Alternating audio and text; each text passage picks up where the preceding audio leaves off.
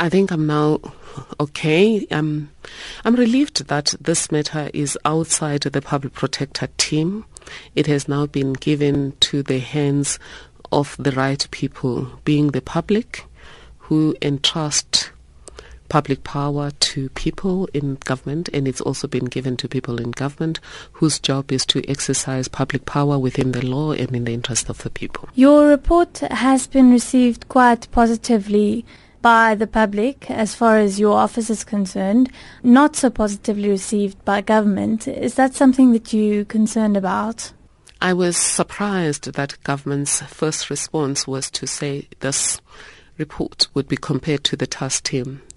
You can't compare the report of a constitutional body that has the power to make a decision on right and wrong with an informal structure that you created yourselves of junior officials who account to the people who were accused of wrongdoing.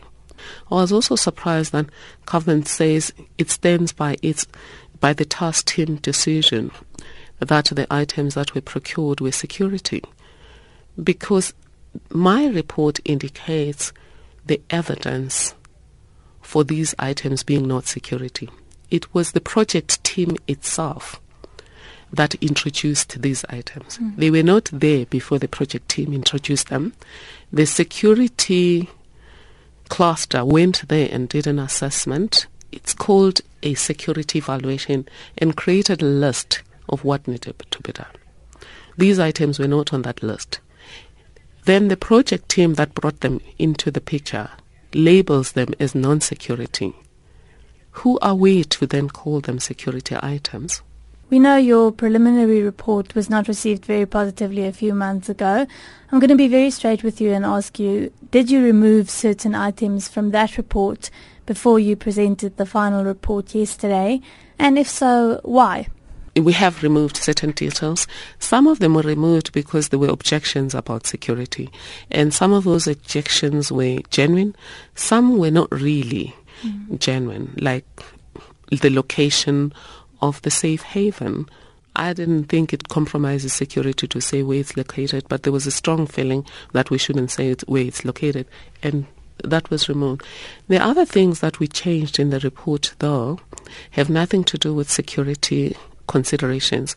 We changed them because after we notified people what I intended to find, they then engaged me with further information and further arguments. Some of those arguments were persuasive and they made me change my mind. Let me ask you to weigh in on the big debate that's raging at the moment. Do you feel that your office is under attack?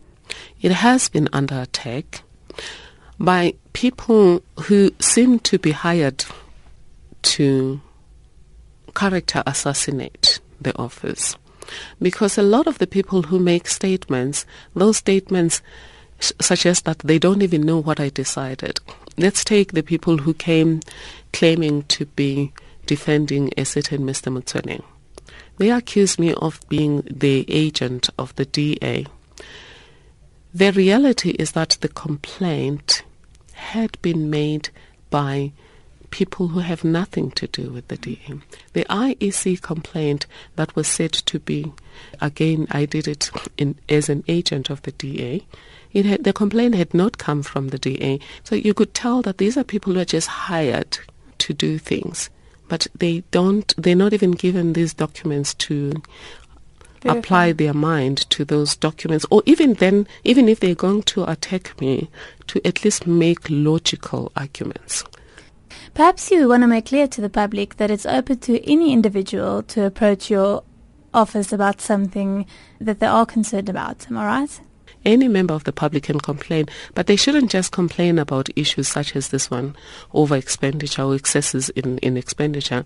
Members of the public can also complain about potholes, non-delivery of sanitation services, and things relating to improving the quality of life for communities. And some have done that.